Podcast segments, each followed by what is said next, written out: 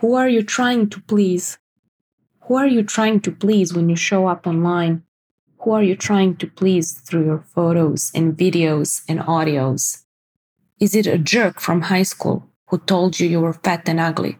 Or is it a teacher that told you you're not good enough? Who are you trying to show up for online? And why am I asking you this? Because the fear of not being perfect is stopping you from showing up. And your people don't need you to be perfect. They just need you to show up for them. And how do I know that? Because I've been showing up from 2011.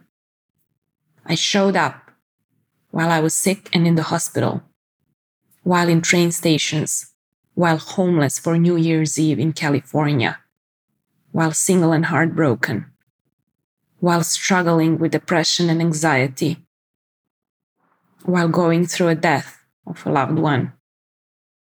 And I showed up when I was moody, when I was sad, when I was scared, when I was angry. And that's why I created the business I have today. They never needed me to be perfect. They only needed me to show up. If I could do it, so can you. Always remember why are you here? Why are you choosing to invest part of your day, fragment of your life, and create content? Who are you doing it for? And why? What is your why?